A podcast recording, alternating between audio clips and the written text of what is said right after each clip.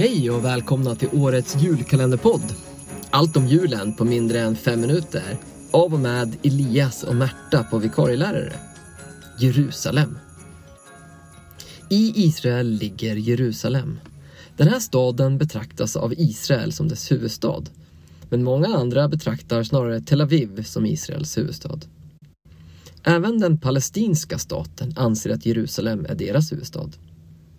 Jerusalem är en mycket gammal stad. Det finns spår av staden redan från 4000 år före Kristus. Den här staden, alltså Jerusalem, är viktig för alla tre abrahamitiska religioner. Alltså judendomen, kristendomen och islam. Inom judendomen och kristendomen betraktas Jerusalem som den heligaste staden. Inom islam anses den vara den tredje heligaste staden.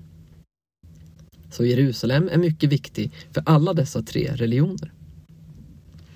Anledningen till att staden är viktig för kristendomen beror på att det var här som Jesus korsfästes och hans begravning ägde rum. I Jerusalem ligger Tempelberget samt Västra muren som är judendomens två mest heliga platser.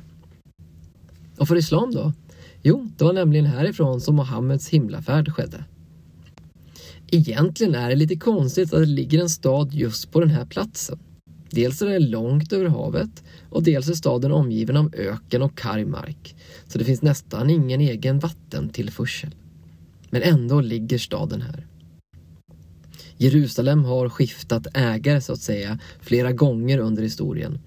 Det har varit romare, kristna korsfarare, araber, britter och nu sedan år 1967 Israel som kontrollerar staden. Jerusalem är idag en stor och modern stad.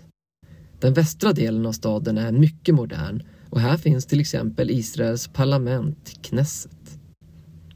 Men när man tänker på staden tänker man i regel på den gamla stan.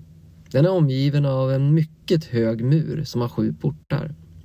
Det finns egentligen åtta portar, men den gyllene porten som den kallas, den öppnas bara på domedagen.